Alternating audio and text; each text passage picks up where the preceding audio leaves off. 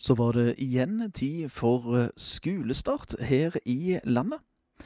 En del har allerede hatt sin eh, første dag på skolen. For andre kommer den om eh, kort tid. Det er skolestart både for barneskole, ungdomsskole, videregående skole og, og for bibelskolene. En del har oppstart nå til helga, men på Fjellheim bibelskole i Tromsø så har de starta opp uh, skoleåret allerede tidligere denne uka. Og det er gode søkertall og gode elevtall. Det forteller rektor ved Fjellheim bibelskole, Steven Mays. Ja, vi har måttet ta kanskje fire-fem til, men vi har 33 uh, til stede nå. Og vi ser frem til kanskje tre til neste uke. Så det er 30, kanskje 36 uh, i høsten. Så men vi, bare, vi bare ber om det litt. Uh, men det, det ser frem at det, det, er veldig positivt for oss her på Fjellheim. Det er 33 elever til stede nå. De, de, de, de største delen er norsk, men fire kommer utenfra Norge. Så, så, det er en liten um, Det er veldig likt med kultur og forskjellige ting, så det er ikke så vanskelig å, å bli kjent. Uh, men, uh, ja, men det er litt utfordring når det er 33 nye folk uh, til stede om en gang. Det, det, er, litt, det er, litt, artig også, men det det, er, en utfordring. Men Vi ser frem til det, og vi prøver å bruke så mye tid som mulig som staben har til stede med elever. Så Vi har hatt noen gøye kvelder og forskjellige måltider sammen, så ja. Det har vært spennende. Det sa Steven Hayes rektor ved Fjellheim bibelskole i Tromsø, en bibelskole som er eid av Norsk Luthersk Misjonssamband. Og en annen av deres bibelskoler, Fjellhaug bibelskole i Oslo, har oppstart nå til helga, og rektor Jon Georg Fiske ser fram mot skolestart. Vi eh, ser veldig lyst på et nytt skoleår på Bibelskolen Fjellhaug. Vi har nå litt over 80 elever som eh, kommer inn på tunet til helga, fordelt på de seks klassene våre. Og vi har fått gode klasser både på krikklinja og musikklinja og reiselinja Ung Global og, og, på lederklassen. Og det er fullt faktisk på både gaming og andreårslinja vår. Eh, så det ser gøy ut, altså. Rett og slett. og så har vi jo litt planer, da. Vi ser jo fram til, og vi har forventninger til at disse elevene skal få et møte med, med Gud. Bli bedre kjent med hans ord, uh, hans frelse og hans misjon. Og at uh, elevene også skal få et år fylt med nye vennskap, mye god mat, et ungdommelig internatmiljø og masse stipendiater som står klar her for å gi elevene et godt år både på skolen og på kveldstid og ved det som kan regnes som Norges største bibelskole, målt i elevtall, er de eh, superklar for å ta imot elevene. Det sier Marit Berling, inspektør ved Bibelskolen i Grimstad det her er et veldig spennende tidspunkt på året. fordi nå har vi jo planlagt lenge og vel og gjør nå liksom siste innspurt. Og så har vi lagt det vi tenker sjøl er masse gode planer, spennende ting som eh, studentene nå kan glede seg til. Så vi er jo nå superklare. Det sa Marit eh, Berling, inspektør ved Bibelskolen i Grimstad. Og ved Bildøy bibelskole utfører Bergen så er det venta over 90 elever inn nå ved skolestart.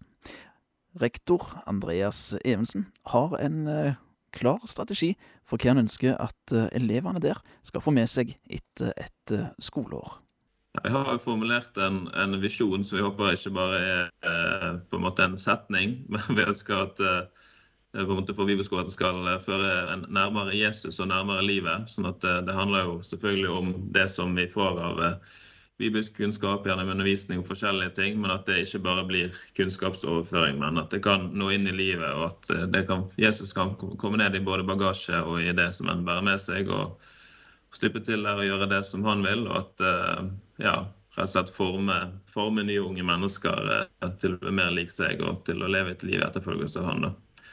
Så det er jo noe av det vi ønsker. For noen eh, vil bibelskoler kanskje være litt sånn repetisjon av en del de visste, men det kan likevel gi litt nye oppdagelser. og at de kan bli mer grunnfestet. og For andre så har de ikke så mye kristen bakgrunn. og Da vil det være forhåpentligvis en større grad av sånn wow, det, jeg får et møte med Jesus som uh, får virkelig betydning og forandring for livet.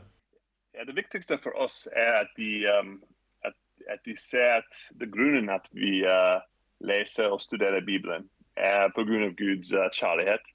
At uh, Det er ikke at vi trenger å vite alle Guds regler eller alle Guds forventninger, men bare at han elsker oss, og vi ønsker å kjenne han bedre og forstå bedre hva, hvem han er, og hvem han er, og hva han har gjort.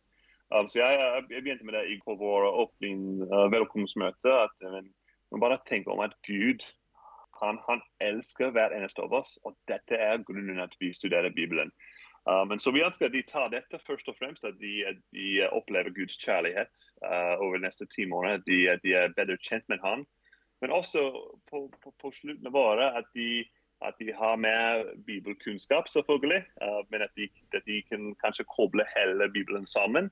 De trenger ikke å vite hver eneste historie om, eller vet om hver eneste menneske i Bibelen, men at de ser de store bilder av Bibelen, og at de får noen uh, verktøy så de kan bruke Bibelen selv i livet. Det sa Steven Mays, rektor ved Fjellheim bibelskole i Tromsø, om hva som er viktig for deg at elevene har med seg etter et års skolegang.